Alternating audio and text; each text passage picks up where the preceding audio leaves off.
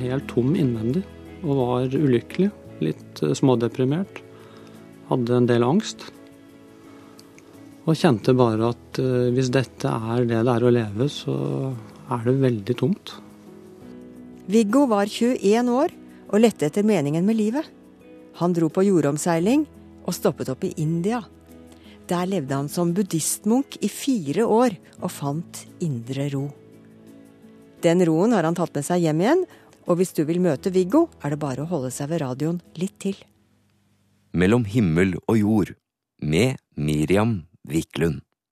Casey Musgraves sang 'Silver Lining' fra sitt debutalbum som kom ut i år. Hun er fra Texas og er blitt kalt en ung utgave av Loretta Lynn og Dolly Parton. En annen type debutant er Svein André Hofsø, som vi kan se for aller første gang i den nye norske filmen Detektiv Downs. Den ferske skuespilleren sier han har spilt roller i hele sitt liv. For jeg har alltid gått og sagt at jeg er James Bond, jeg er Batman. Så, så, så, så uh, Jeg veit jo selv at jeg ikke er de. Men, jeg, men der og da så tenkte jeg at nå er jeg ikke psykisk utviklingshemma. Nå er jeg de, de eh, rollenavnene, liksom.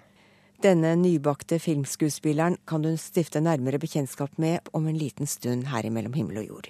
Men mannen du skal få treffe nå, er opptatt av helt andre ting enn å spille roller.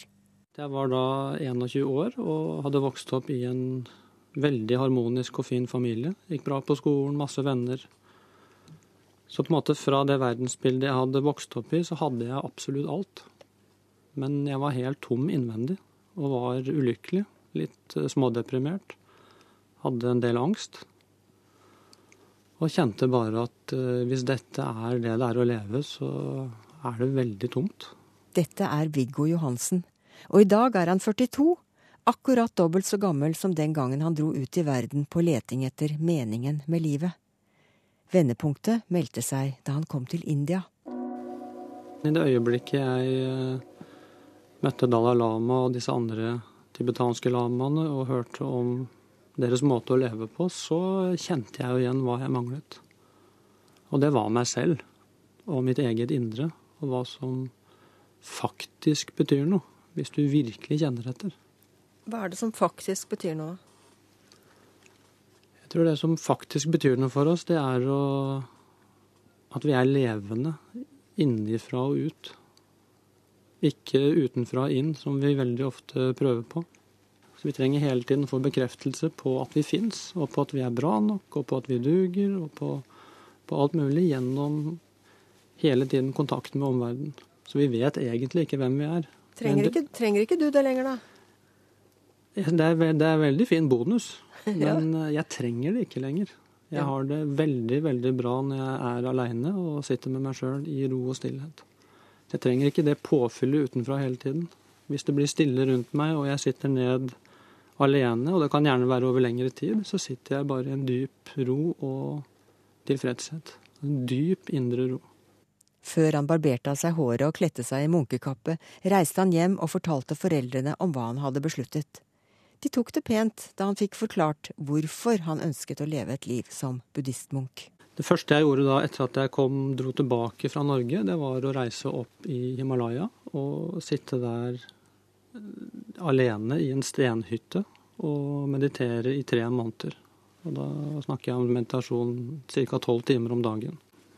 Og uten å ha selskap og uten å ha Hvis det var én munk og en nonne som bodde i et hus noen hundre meter på oversiden som jeg spiste frokost sammen med. Ellers så så jeg ikke folk. Da satt du bare og Når du måtte på do og sånn? Ja, ja, det var en liten utedo der som jeg da gikk til. Men, men altså, hvordan? For, for, forklar. Nei, det var eh, Jeg tror det var ut fra prinsippet om å bli hivd på sjøen for å lære å svømme. Jeg visste jo knapt hva meditasjon var på det tidspunktet. Så jeg gjorde jo bare det jeg hadde fått beskjed om, og det første som skjedde, var jo at jeg gikk rett til kjelleren. Alt som dukket opp, var jo alle lengslene mine, alt i livet jeg hadde gjort som jeg egentlig skammet meg over. Altså, det var veldig mye sånn grom som kom til overflaten, som var fryktelig ubehagelig, og jeg følte meg som verdens ensomste menneske. Hva gjorde du med det, da? Ja, hva skal du gjøre når du sitter aleine oppe i fjellet? Hva var det du tenkte på da? Hva var det som var grumset? Altså, Alle ting jeg hadde gjort som jeg var eh, Altså egoistiske ting hvor jeg eh, rakket ned på folk for selv å komme opp. Altså mange sånne ting som vi gjør i hverdagen som vi ikke tillegger noe særlig betydning. Men når du først blir stille og du kjenner etter, så, så har alle de tingene betydning. Og det ble veldig, veldig klart for meg. Det var akkurat som om sinnet renset seg. Og det var jo ting jeg hadde glemt og undertrykt, altså for, så jeg ante, ante ikke hvor det kom fra engang. Hvor lenge satt du der og gremmet deg over deg selv da, før det ga seg? Det var vel eh, seks uker, tror jeg. Hver dag i seks uker? Ja, Det var en sånn gradvis eh, verre og verre og verre. og verre. Så etter seks uker så var jeg egentlig helt i kjelleren. Tolv timer hver dag? Mm. Hva skjedde da det endelig ga seg, da? Nei, det var eh, veldig rart. For var, eh, jeg våknet midt på natta. Dette var i regntiden i Himalaya. Der det, jo, det, var, så det var tåkete og skyer. Så jeg var jo egentlig i verdens vakreste natur, men jeg så ingenting. Så våknet jeg midt på natta, og gikk ut, og så var det helt stjerneklart, og så hadde det lysnet. Og da lysnet det faktisk i meg samtidig. Så derfra ut, så den, eh, de siste de siste ukene da det oppholdet, så, så var det noe i meg som skiftet. Da fant jeg en ro og tilfredshet i meg selv for første gang, og egentlig nøt, nøt dagene. Det var ikke sånn at jeg lengtet etter å bli ferdig, eller lengtet etter å komme ned og lengtet etter å se folk. Altså, da, da hadde jeg funnet ro. Men nå, altså du, nå har du kommet hjem, og du har tatt av deg munkekappen. Eh, så, så du har på en måte gitt avkall på det du trodde skulle være livet ditt forresten. Ja, jeg har gitt avkall på den ytre rammen, men ikke på det indre. Altså, det har bare fortsatt. Så jeg, det føler jeg at jeg lever 100% i henhold til. Hvordan da? Jeg føler at jeg lever fra det indre. At det er det som bestemmer min retning i livet. Så jeg vil si meditasjonen er vel den tingen jeg har tatt med meg videre. Men alt det andre har jeg droppet. Hvis du må bli munk for å finne en sånn indre stillhet, og i tillegg buddhistmunk, da. Så er det Altså, det ligger ikke for oss alle. Nei da, og det er heldigvis ikke nødvendig heller. Nei vel. Det er, eh, jeg tror jeg skal si det enkelt. Det egentlig viktigste prinsippet, det er å ikke gjøre som Per Gynt. Det å gå rundt hver gang bøygen kommer, men å lære seg å gå igjennom. Da får man indre ro. Jeg tror Hvis du kjenner etter, så vil du kjenne at det er en forskjell på ytre og indre verdier. Det er en del verdier vi har arvet, og så er det en del verdier som når du kjenner, så bare kjenner ja, men det når det kommer til stykket, det er det som er viktig for meg. Fins det noen sånne indre verdier som er felles for, for, alle oss mennesker? Ja, jeg tror det. Jeg tror uh, kjærlighet, omsorg, uh, ro, lek, humor, kreativitet. Altså en del sånne ting er uh, når det kommer helt inn til beinet, så, så, er det ofte varianter av de som er viktige for absolutt alle. Men kjærlighet og omsorg, bare for å ta det, da. Mm -hmm. Det er kjærlighet eh, som du får, omsorg som du får, eller Nei, som, som du, gir? Jeg vil si som du, ja, som du, gir, eller som du egentlig er, faktisk. Men, men altså som du gir, da. Absolutt gi, ikke få. Nei, for det er jo det vi driver med. Vi går på leting etter kjærligheten og Ja, det er akkurat det. Og det ofte der er det et misforhold. Men hvis du, ser, hvis du virkelig oppdager hvor viktig det er for deg å kunne gi, og se hva det gjør med deg Men Det krever ofte at vi må sitte ned og virkelig kjenne litt etter. For når vi er litt urolige og på overflaten, så er vi veldig opptatt av å få. Ja. Det er sånn øyeblikksbehov. Hvis du begynner å undersøke litt, hvor lenge vedvarer det, og hva gir det meg egentlig, kontra de gangene jeg opplever at jeg, at jeg virkelig går utover mine egne behov og mitt eget ego ofte. Da. Altså, hvordan har jeg det da? Og det er veldig ofte da vi er på vårt lykkeligste. Hvor det bare fylles av en indre både vitalitet og glede og ro. Så, kommer ikke, så vårt indre responderer med en gang. Da snakker du om å gi uten baktanke om å få tilbake? Nettopp. Uselviskhet, altså. Mm. Men et sted må det komme fra, da? Det er akkurat det. Ja. Det er akkurat det. Og hvor kommer det fra? Ja. Hvor kommer det fra? Og vi er bærere av det alle sammen. Hvor kommer det fra? Jeg vil si det kommer fra vår innerste natur. For den innerste naturen i oss, den kjenner sin sameksistens med alt annet. Har det der med guddommelighet å gjøre? Ja, jeg vil si at det fort kommer inn der, ja. Er det det som ligger i buddhismen også? De vil jo ikke bruke det ordet. Men uh, hvis du f.eks. leser en middelaldermystiker som Johannes av Korset, som var en kristen munk i Spania på 1300-tallet, så får du en uh, beskrivelse av den kristendommens indre vei, som jeg vil si er ja, identisk med alt det du leser om i Østen. Og hvor han, når han snakker om Gud, så snakker han egentlig med akkurat samme språk som når buddhismen snakker om virkeligheten. Så buddhisme og kristendom på ett nivå er omtrent det samme, er det det du sier? Ja, jeg vil ikke bare si omtrent, jeg vil si identisk. Fordi de snakker om menneskets natur. Bare at det har en litt annen innpakning? Fullstendig annen innpakning. Så i det ytre så er det jo så forskjellige som ild og vann. Men når du kommer til den indre kjernen, så blir det likere, likere, likere, likere identisk. Det sier Viggo Johansen, som tok mastergrad i filosofi etter at han la vekk munkekappen og valgte å vende hjem til et sivilt liv. Han bruker fortsatt en time til meditasjon hver dag, og lever ellers som alle oss andre. Nylig ga han ut boken Indre stillhet å leve mindfulness, og han jobber som såkalt kognitiv terapeut i Oslo, og møter én og én til samtaler om eksistensielle spørsmål. Vi holder oss med de store spørsmålene her mellom himmel og jord. I dag spør vi hva er sant?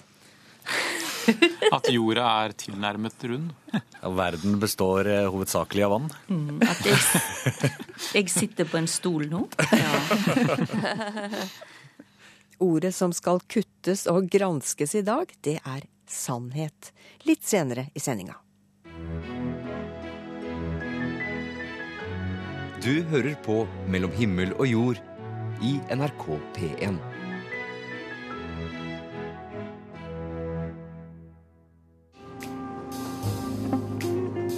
Er det du som er privatdetektiven? Vet du hva, Da foreslår jeg at vi drar hjem til huset vårt med en gang, sånn at du får satt deg inn i saken. Får jeg oppdraget? Ja, naturligvis. Og den som får dette oppdraget, er Robert Bogerud. Spilt av Svein André Hofsø i den nye norske filmen Detektiv Downs, som har premiere denne helgen. Akkurat som rollefiguren har også Svein André Down syndrom. Det er første gang 34-åringen fra Sandefjord er med i en spillefilm. Men Svein André sier han har spilt roller i hele sitt liv. Eh, jeg har vært på en måte skuespiller helt siden jeg var liten. For eh, jeg har jo lekt fra Kardemommen by, politimester Sebastian og lokomotivet Thomas helt siden jeg var barn. Så uh, man kan si at jeg var skuespiller på mitt nivå helt siden jeg var liten. Men det er først denne helga Svein André dukker opp på kinolerret over hele landet i rollen som Robert Bogerud, privatdetektiven som får i oppdrag å finne den bortførte skøytehelten Olav Stjernen. Men som barn setter Svein André seg ofte inn i rollen som en annen person. Han husker spesielt én episode der han skulle være Batman. Fra gamle TV-seriene så gled han på gelender for å ha på seg Batman-drakta, og det gjorde jeg selv også. Så, altså, men så gikk den andre, andre beinet over. Så jeg hang der, eh, for det var to trapper. Så jeg hang der og Så jeg holdt på liksom å ramle nede i underetasjen. Så mamma dro meg opp, da, så hun avverga, avverga at jeg falt, da. Svein André har reflektert mye rundt barndommen, og det at han ofte setter seg inn i ulike roller som liten gutt. Jeg, jeg, jeg syns det er veldig bra å være noe man egentlig ikke er, liksom. Var det på en måte av og til å, å komme seg litt vekk ifra hverdagen, altså drømme seg litt bort? Ja, tenker, da tenkte jeg ikke på at jeg er psykisk utviklingshemma som har Downs syndrom. Mm. Da, da, For jeg har alltid gått og sagt at jeg er James Bond, jeg er Batman. Så, så, så, så Jeg veit jo selv at jeg ikke er de. Men, jeg, men der og da så tenkte jeg at nå er jeg ikke psykisk utviklingshemma. Nå er jeg de, de uh, rollenavnene, liksom. Mm. For, å, for å skjule at jeg at jeg er psykisk utviklingshemma. Er det vanskelig å ha Downs syndrom? Føl, følte du at det var vanskelig å ha Downs syndrom i oppveksten? Ja, jeg følte det. For å være helt ærlig, så følte jeg det at jeg At, uh, at jeg har Downs syndrom. Mm. For da følte jeg ikke Jeg følte jo at jeg ikke var bra nok. Da. Det gjorde jeg. Mm. Hva, hva, var det som var utfordringen? Hva, hva, var det som var vanskelig? Det var Det er jo Man skal jo egentlig innse at, at man er den man er. Men det er ikke bestandig jeg gjør, liksom. Det er liksom eh, litt rart, liksom. Hva tenker du om det å ha Downs syndrom nå, da? Nei, akkurat nå så tenker jeg ikke på det etter at jeg eh, ble skuespiller. Å oh, ja. Så, så du, har det, du har det bedre nå? Ja, det har jeg. Hva er det som er grunnen for at du, at du syns det er lettere nå, da? Nei, eh, nå tenker jeg bare på at uh, jeg har fått en hovedrolle i en film, og, og da dekker jeg over, dekker jeg over, over det enn det jeg er, liksom. Mm, det har blitt lettere å, å, godta den du er etter at du eh, fikk den rollen? Ja. Det har faktisk eh, endret livet mitt. Jeg føler meg sterk. Skal vi bruke tantes eh, ord motivert. Så det, Jeg syns det er Jeg har endra meg veldig. Det har jeg. Mm. For før så har jeg alltid sagt at jeg tar aldri feil. Jeg er best i alt, liksom. Men nå er det motsatt. Nå innrømmer jeg mine feil. Så jeg sier alt Jeg sier ting, og så sier jeg hvis jeg ikke tar feil, så er det sånn og sånn og sånn. Men hvis det er feil, så OK, liksom. Så jeg har liksom fått tilbake den fått tilbake den kontrollen som eh, Bakkekontakt, liksom. Bakkekontaktkontroll. Og, og er ærlig enn det jeg var tidligere. Svein André Hofsø sier altså at han har spilt roller i hele sitt liv. Men nå, når han har fått en virkelig filmrolle, har det styrket selvtilliten og bevirket at han føler at han har funnet seg selv. Filmen han spiller i, 'Detektiv Downs', går på kino over hele landet nettopp nå.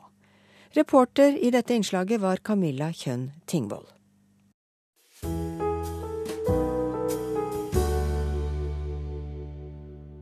I dag skal du få høre om en kommunal bisettelse som også er anonym her i Mellom himmel og jord. Ingen dødsannonse i avisen, ingen pårørende til stede. Jeg får litt sånn mer sånn, sånn ærefrykt Eh, og, og, tankene er med deg kanskje enda mer eh, i forbindelse med at vet du, her er tomt. Det, du kjenner på tristheten, kanskje i større grad. Det har vært masse blomster, her det kommer folk sant, som har masse gode minner. Her kommer det ingen med gode minner. Hvorfor steller prester og gravferdskonsulenter til kommunale begravelser når de vet at det ikke kommer noen pårørende? Men først skal vi ta for oss noen begreper rundt de store spørsmålene i livet. Virkelighet, hva er det? En kristen, en muslim og en humanist møtes etter å ha tenkt over saken. Panelet. Jeg heter Josef eh, Gilani eh, og er eh, den første norsk-pakistanske gutten født i Norge. Når var det, da? Går det an å spørre så frekt? I 72. 72. Ja. 72. Jeg heter Kari Weiteberg. Jeg liker godt å gå. Jeg går både i fjellene, jeg går gatelangs. Så joggesko er en av mine favorittsko, faktisk. Ja, jeg heter Didrik Søderlind og har en sans for engelsk fottøy. Ordet i dag er sannhet. hva er sant? Ja, hvis man visste det, så ville det jo vært veldig greit. fordi på den ene siden så tror jeg at det fins objektive sannheter. På den andre side så er det jo spørsmål om hvem som besitter den. Men eh, for meg så henger jo sannhet veldig tett sammen med søken. Altså det at man skal søke sannhet. Og strekke seg etter det som er sant, selv om det kanskje punkterer behagelige forestillinger som man kanskje har om seg selv og om verden. da. Så det betyr at du, du sitter ikke på sannheten? Du kan aldri godta at du sitter på sannheten? Nei, jeg har problemer med å akseptere det helt hos meg selv. Mm. Og nettopp derfor så setter jeg veldig pris på vitenskapen som en sånn ytre rammeverk som kan etterprøve mine egne opplevelser av verden. Er verden virkelig sånn eh, som jeg føler det og opplever det? For meg blir sannhet òg noe som er noe helt annet enn det der to og to er fire. Sant? Så setter du Det er sant. Men eh, hva så, liksom? Ja, det er jo, det er jo virk, virkeligheten ja. som omfatter vanligvis alt som er håndgripelig ja. og sant, eller det som eksisterer i verden rundt oss, i, og i motsetning til fantasier, mm. som er abstrakte og ideer, eller som er bygd på falskt og usant. Så det, er jo det man kan eh, se rundt seg, og, og nettopp eh, det med og knytta opp mot vitenskap, verden og ikke minst menneskene som bor der, så man kan eh, se resultater ut av. Mm. Men så er det så utrolig at det du ser, er faktisk litt annerledes enn det jeg ser. Mm. Og det er der tror jeg etter hvert at, eh, at vitenskapen òg alltid er på en måte tolka, ja. men allikevel er det like sant. Ja. Men hva, altså, vi må jo være enige om enkelte ting. Eh, vi må være enige om noe som er sant. Hva kan ja. det være? At jorda er tilnærmet rund. Ja. ja. verden består eh, hovedsakelig av vann. Mm, at jeg, jeg sitter på en stol nå. Vi har én måned. Tror dere, altså Didrik snakker om kunnskap. Tror dere at mennesket kommer nærmere sannheten ettersom vi får mer kunnskap om ja, hvordan verden er skrudd sammen? Hva tenker du, Josef? Du, eh, det, er uten tvil. Du kommer nærmere sannheten jo mer kunnskap du får. Samtidig så er det også veldig eh, en leveregel jeg pleier å ha. Ikke tenk for mye, for da blir du forvirra. Mm. Og hvis du går i dybden av å finne ut av sannheten, Eh, så er det også en fare for at du kan miste deg selv i, i jakten på, på, hva som er mm. sant. Mm. Forklar hva du mener. Det er, jo. Det er, det, er, det er, et veldig vanskelig begrep. Det er jo mange som eh, i jakten på sannheten som har både mistet seg selv, eh, sitt eh, nettverk. Vi kan jo starte med Buddha. Mm. Hvis vi går så langt tilbake med å ta religionen i bildet, så er jo troen avgjørende for eh, veldig mange mennesker her på denne jord eh, for hva som er sant for dem. Mm. Selv om det også i tilfeller ikke kan stemme. Og Buddha gikk jo til det steget hvor han forlot kongedømmet og levde blant innsikter og alt som i, i, jakten på å finne det rene, hvis man kan eh, Ja. Det ble, veldig, det ble veldig dypt. Ja.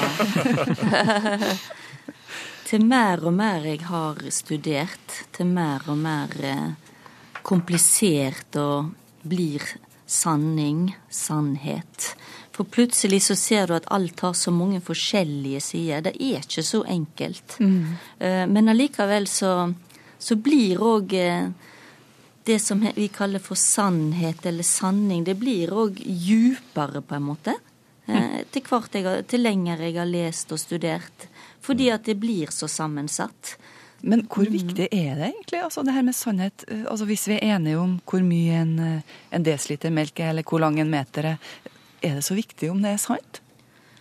Jeg tror sannhet er kjempeviktig når jeg tenker djupt om det. At hva er sannheten?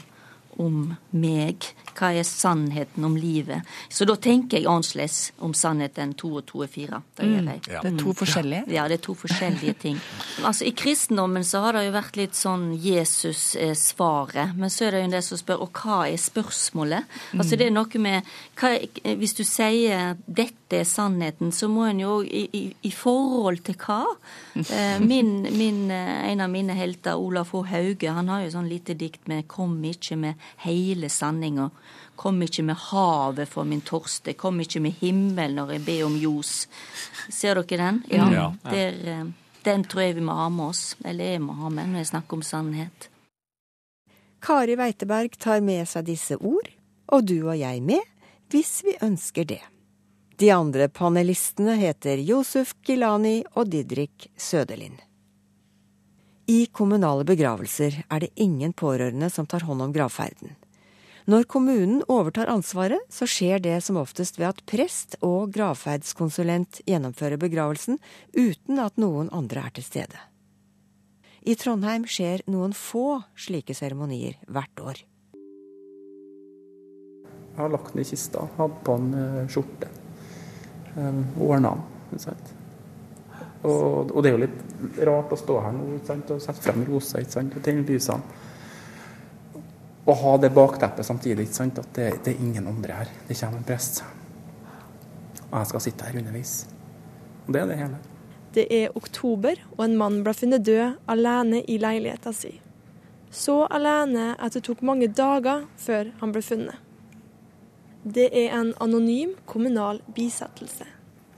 Nærmeste pårørende til den avdøde bor i utlandet, og har ønska at bisettelsen skal være anonym. Det betyr ingen dødsannonse i avisa. Men er det vits i å holde en bisettelsesseremoni når de eneste til stede er en prest og en representant fra et begravelsesbyrå? Før seremonien starta, snakka sogneprest Jan Asbjørn Sagen og gravferdskonsulent Kjell Endre Bones Rønning om at en verdig avslutning på livet er uavhengig av alt. Uavhengig av sosial status, uavhengig av hvor mange venner du har, uavhengig om du er på god fot eller dårlig fot med familien din, og uavhengig av hvor mange som møter opp. For menneskeverdet i seg sjøl, kristne tanken om menneskeverdet, handler ikke om prestasjon, men hva vi virkelig er. Altså et menneske som har levd. Og på den måten føler vi vel at vi også verdsetter livet. Før det hele starter i det store, lyse seremonirommet, står gravferdskonsulent Kjell André Bones Rønning. Han har retta på den grønne duken under kista, satt rosa frem til presten og tenner talglys. Men er det viktig å gjøre det så vakkert når det er ingen som kommer til å komme og se på? Jeg, tenker, jeg tenker nesten litt motsatt. jeg. Fordi at jeg får litt sånn mer sånn, eh, sånn ærefrykt. Eh, og, og tankene er med deg kanskje enda mer. Eh, I forbindelse med at vet du, her er tomt. Det, du kjenner på tristheten. Kanskje i større grad. Det har vært masse blomster, her har det kommet folk ikke sant, som har masse gode minner. Her kommer det ingen med gode minner. Og det gjør at du tar ikke lett på det. Da er det med samme verdighet og med samme nøyaktighet som om det vært, skulle vært fullsatt kirke eller sal her i seremonirommet. Vi tenker at uansett hvilket liv du har levd, uansett hva du har gjort, eller som har forårsaka at livet har blitt sånn, så fortjener alle sammen det at når livet er slutt, så får du ei, ei avskjedsstund. Skal livet takkes av. Og i dag skal livet til den eldre mannen i den hvite kista takkes av. Seremonien starta. Ingen salmer, ingen orgel. Bare en prest, en fra begravelsesbyrået og ei kiste. Presten legger på den røde rosa. Han leser skriftstedet og holder en minnetale om avdøde. Et langt livsløp. Minnetaren Minnetalen er kort. Da presten ikke har vært i kontakt med pårørende, snakker han om tida som den avdøde vokste opp i. Historien fra vår fjerne og nære fortid forteller oss jo om en rivende utvikling. Han sier at mannen må ha opplevd mye. I dag var det få som fikk oppleve hans avskjed. I dag er det ingen hilsen fra de pårørende. De skal leve videre. Kanskje uten å savne han også. Vi tenner et lys og har et øyeblikks stillhet for det liv som er levd, og de liv som skal leves videre. Lars Svanholm, daglig leder for begravelsesbyrået som står for dagens bisettelse, er ikke fremmed for kommunale begravelser. Til nå i år er dette Trondheims fjerde begravelse på kommunens regning, og ingen pårørende. Det, det blir jo verdig når ei kiste står der alene, men det blir ikke på samme måte som noen, noen sitter rundt kista. Men likevel så tenker jeg at vi, vi lever faktisk i et samfunn som, som på en måte er såpass varmt at det tar vare om de menneskene som går ut av livet, til tross for eh, at man kanskje har gjort ting som er dumt. Mm. Eller at man har levd livet sitt alene. Så at det er på en måte, vi fanger dem opp og gir dem en verdig avskjed likevel. Det handler om respekt. Men det kan ikke heller bli litt sånn uh, fyll i ettertanke på et vis. Du tenker noen tanker om ditt eget liv òg. Uh, hvordan ønsker jeg å leve livet mitt? Ønsker jeg å ordne sånn i livet mitt at jeg har relasjoner rundt meg, folk som, kan, som jeg kan ta vare på meg den dagen jeg går ut av det. Og det ønsker jeg jo. Jeg ønsker ikke å på en måte leve livet mitt sånn at uh, jeg blir alene den dagen jeg skal forlate livet. Det som er litt godt med det, at vi på en måte er hjemme og er det vitnesbyrdet til at det er en verdig skjedd. At uh, hvis det skulle dukke opp noen en gang, så kan vi faktisk fortelle hva som skjedde, eller hva som var, hva som ble gjort. Mm. Og det er litt godt etterpå. Mm.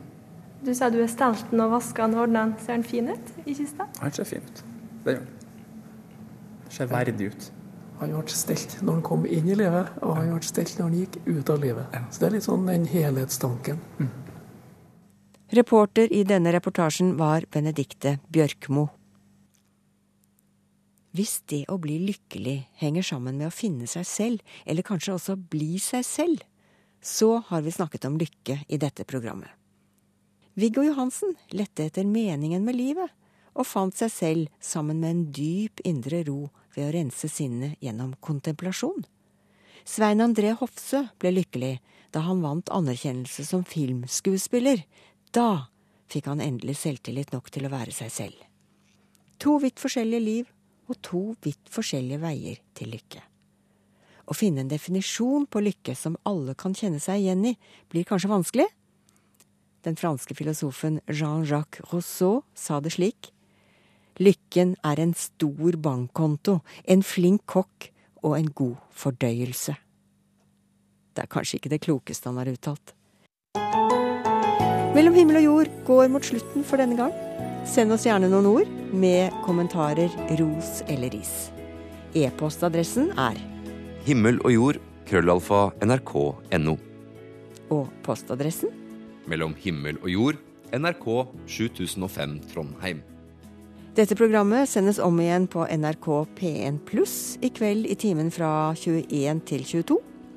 Det får du inn via DAB-radio eller nettradio. Eller så kan du høre oss om igjen via nettspilleren radio.nrk.no.